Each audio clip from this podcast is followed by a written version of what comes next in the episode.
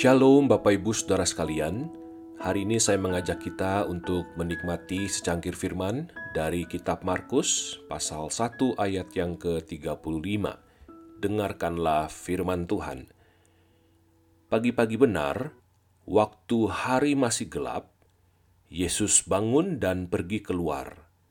Ia pergi ke tempat yang sunyi dan berdoa di sana. Berbahagialah setiap orang yang mendengarkan firman Allah dan yang memeliharanya. Haleluya. Kalau ada dua kata yang bisa mewakili kehidupan manusia di zaman ini, dua kata itu adalah sibuk dan bising.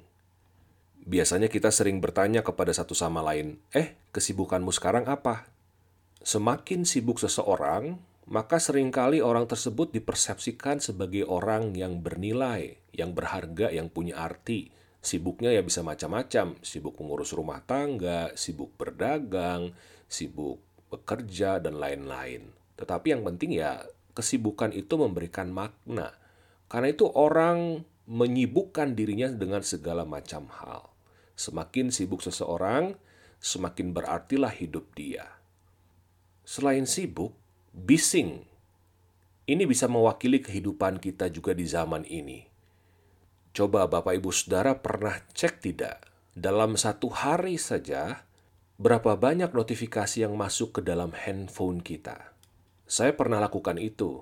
Di handphone saya itu ada fitur digital well-being, lalu saya cek di sana. Untuk WhatsApp saja, dalam satu hari, itu notifikasinya bisa sampai 2000. Satu hari loh Bapak Ibu Saudara. Belum lagi kalau kita pakai media sosial, ada Facebook, ada Instagram, ada TikTok. Belum lagi kalau belanja online, mungkin ada Tokopedia, ada Shopee, dan lain-lain. Berapa banyak notifikasi yang masuk ke dalam handphone kita setiap hari. Itu baru dari handphone. Betapa bisingnya kehidupan kita. Apa dampaknya ketika hidup kita demikian sibuk dan bising. Kita menjadi seperti seekor burung yang tanpa sengaja masuk ke rumah orang, lalu ketika sadar kita ada di dalam rumah orang, kita itu panik mencari jalan keluar. Burung ini akan terus terbang ke sana ke sini, tabrak ke atas, tabrak ke samping, tabrak meja makan, tabrak lemari, tabrak kaca, tabrak pintu kamar mandi. Bingung di mana jalan keluarnya. Padahal kalau dia tenang saja, dia tinggal lihat di mana pintu keluar atau jendela tempat dia bisa keluar dari rumah itu. Ketika hidup kita sedemikian sibuk dan bising, kita akan jadi kehilangan arah. Dan sering kali kita juga jadi panik kagak puguh. Kalau kita punya permasalahan, ada kesulitan dalam hidup, kita seperti burung itu jadi panik ke sana sini, tabrak sana, tabrak sini. Padahal kalau kita slow down saja, kita tenang, maka kita tahu hidup kita aman di tangan Tuhan.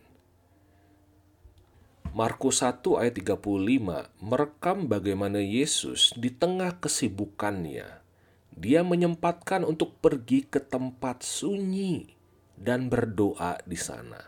Kalau kita perhatikan di bagian sebelumnya, Markus 1 pasal 29 sampai 34. Yesus sedemikian sibuk.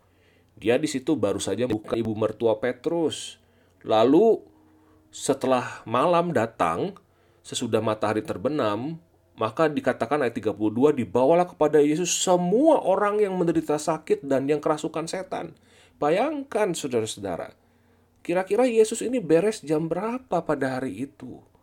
Setelah nyembuhin ibu mertua Petrus, maka orang-orang banyak ini bondong-bondong datang minta kesembuhan dari Yesus.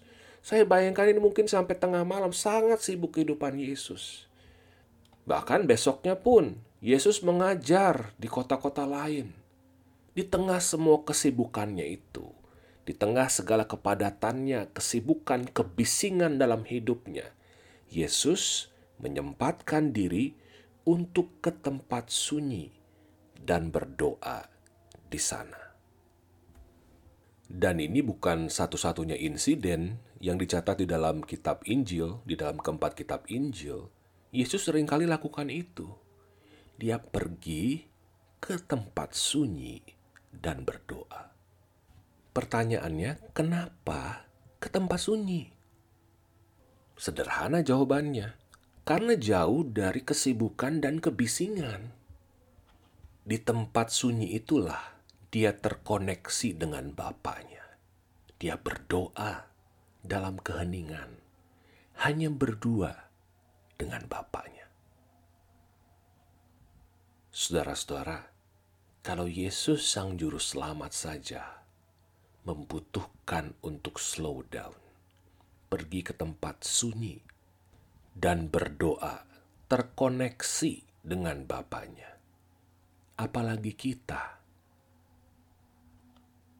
kalau kita dalam menjalani kehidupan sehari-hari kok rasanya gelisah terus, kok rasanya beban begitu berat, kok rasanya kehilangan arah dalam hidup, kok rasanya saya gampang marah-marah, kok saya rasanya berperilaku bukan seperti orang Kristen, kok saya rasanya hidup begitu terjerat dalam dosa.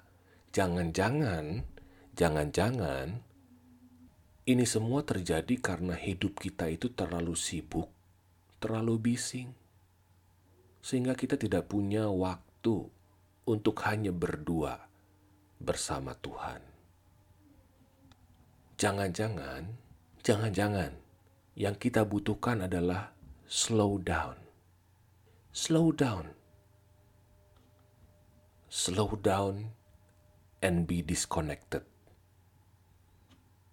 disconnected dari semua kesibukan kita, dari semua kebisingan, dan connected to God. Terhubung dengan Allah. Carilah waktu terbaik saudara, entah itu subuh, entah pagi, siang, sore, malam, atau tengah malam, di waktu mana pun.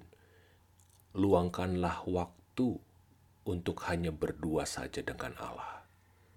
Singkirkan semua distraksi, singkirkan semua gadget, hanya antara saudara dan Tuhan. Slow down dari semua kesibukan dan be disconnected dari semua kebisingan, dan alami perbedaannya dalam hidup saudara. Tuhan memberkati kita semua. Amin.